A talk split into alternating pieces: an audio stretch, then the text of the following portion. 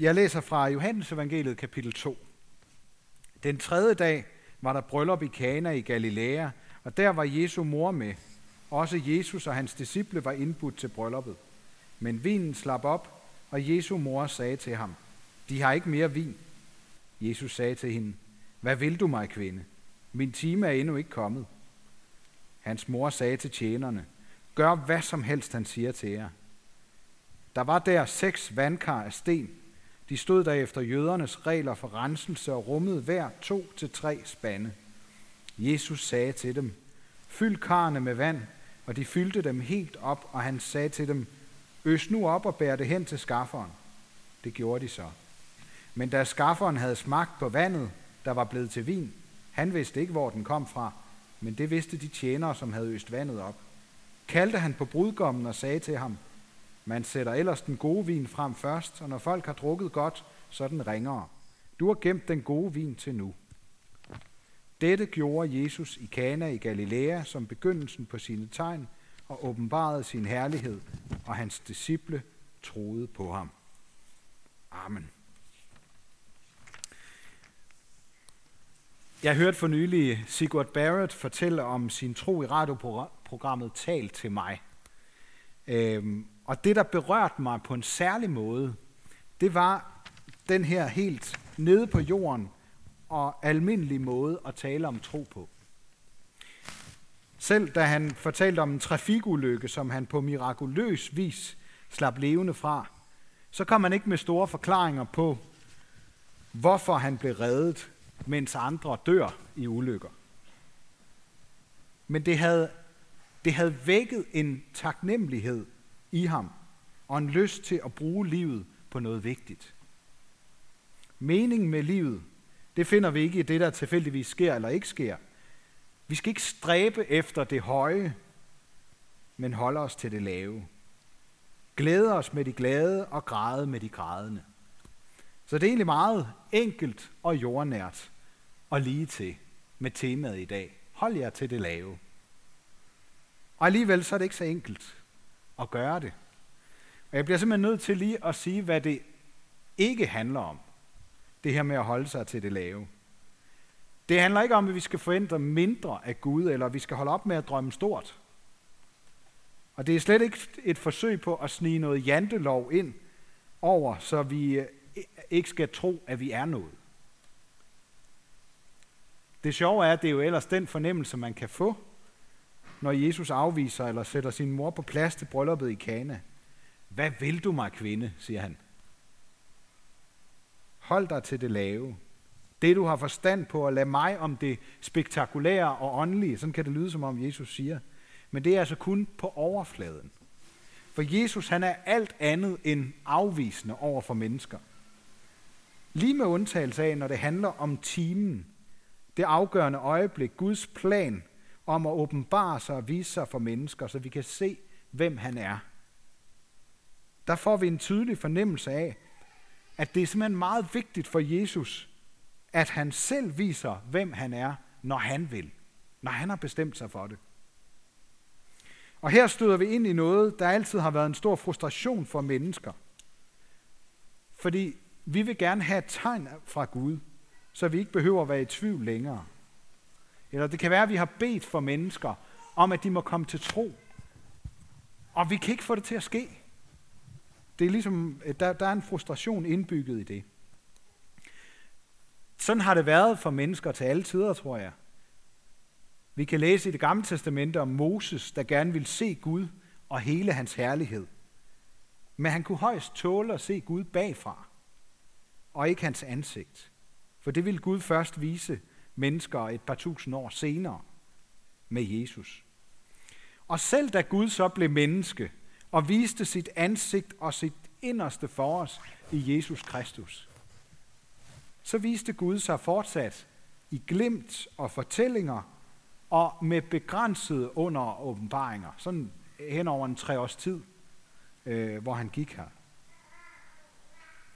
Jeg er klar over, at der vil være mange øh, måske også nogle af jer, der allerede nu her står af og tænker, altså, Daniel, du holder dig jo ikke engang selv til det lave, når du taler om under og åbenbaringer. Men jeg har lyst til at udfordre jer på, og lige at prøve en gang at gå med på det her med at overveje spørgsmålet. Viser Gud sig for mennesker? Også i dag? Jeg er klar over, at det kan være meget frustrerende for nogen at høre om andre, der ser Gud alle mulige steder, eller måske har fået alle mulige tegn, hvis man ikke selv har set eller oplevet noget i den stil. Derfor så findes der jo også alverdens religioner og åndelige øvelser, der kan hjælpe os med at få øje på det guddommelige, fordi det åbenbart er sådan en, en indbygget øh, længsel eller trang, vi har som mennesker. Vi vil gerne se det. Ikke? Vi vil gerne have bevis for det. Men i Bibelen, der bliver vi opfordret til noget andet. Der bliver vi opfordret til at holde os til det lave.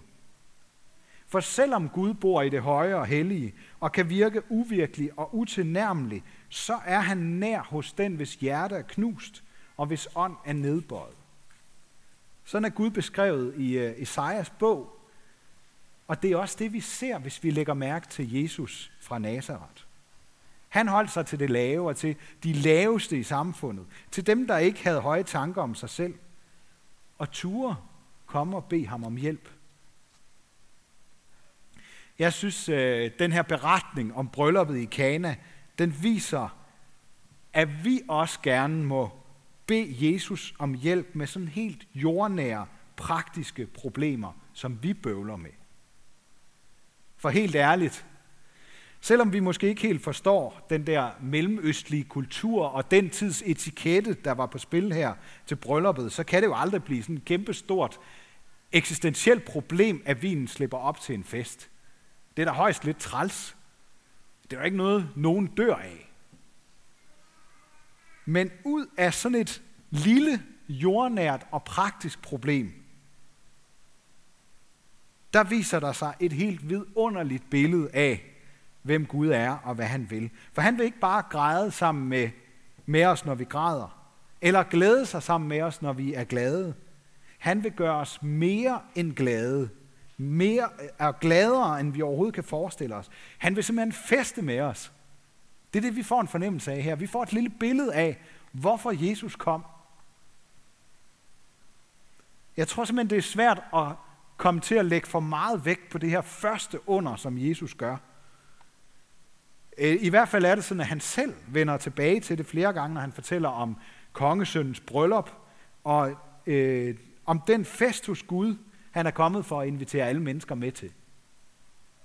Og som noget af det aller sidste, så indviger han sin nærmeste disciple i et påskemåltid, et festmåltid med vin, der skal holde dem fast i håbet om det løfte, som Esajas også har skrevet om. Et evigt måltid med fede retter og lagret vin. Og for at det ikke skal være løgn, så spiser han sammen med dem, disciplene, efter sin opstandelse, for at forsikre dem om, at han er altså ikke noget genfærd og for at bekræfte sit ønske om fællesskab med dem, og så for at minde dem om den der vidunderlige fest, som han er i gang med at forberede. Så det er altså det, vi kan se frem til. Han fortæller også senere om det i Johannes evangeliet, og han lover dem, at der er masser af ledige pladser til alle. Gør hvad som helst, jeg siger til jer. Det er derfor, tror jeg, at vi skal holde os fra at sortere i, hvor vigtige vi synes, Jesu ord er. For så kan vi risikere at gå glip af under og åbenbaringer. Og jeg tror, det er en af grundene til, at vi har det, vi kalder sakramenter her i kirken.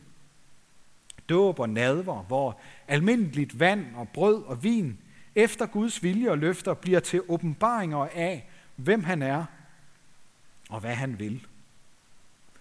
Det er jo ikke sådan, at vi kan komme til at forstå det fuldstændigt, men vi må holde fast i at gøre hvad som helst, han siger til os. Jeg ved ikke, om I har tænkt over, hvornår det store sker, når vi øh, har barnedåb, eller hvornår bliver brød og vin til noget mere, end det var i forvejen, når vi om lidt skal fejre nadver. Er det heroppe? Er det på vej ned? Eller er det, når I smager på det? Jeg tror aldrig, vi helt kan komme til at forstå det. Men øh, vi skal altså heller ikke nøjes med at have sådan en symbolsk eller pædagogisk forståelse af dåben og nadveren. Vi skal tro på, at Guds ord og løfter gør en verden til forskel, selvom vi måske hverken kan se eller smage den.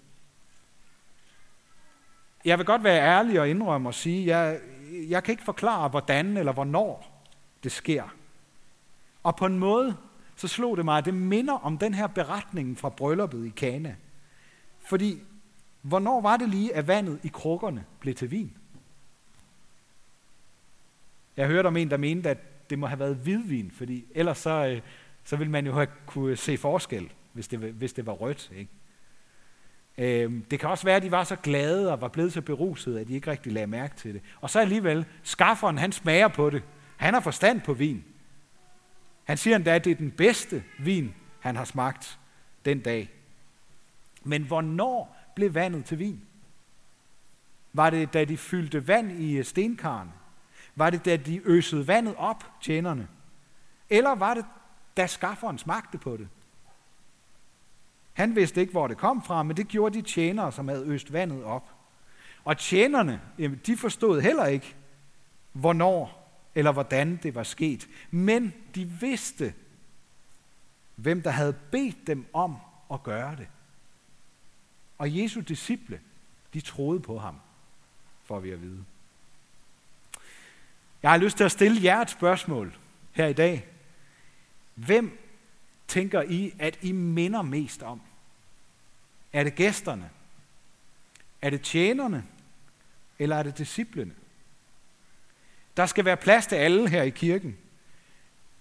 Dem, der er med på en kigger, dem, der er med i et team, eller dem, der er overbevist troende.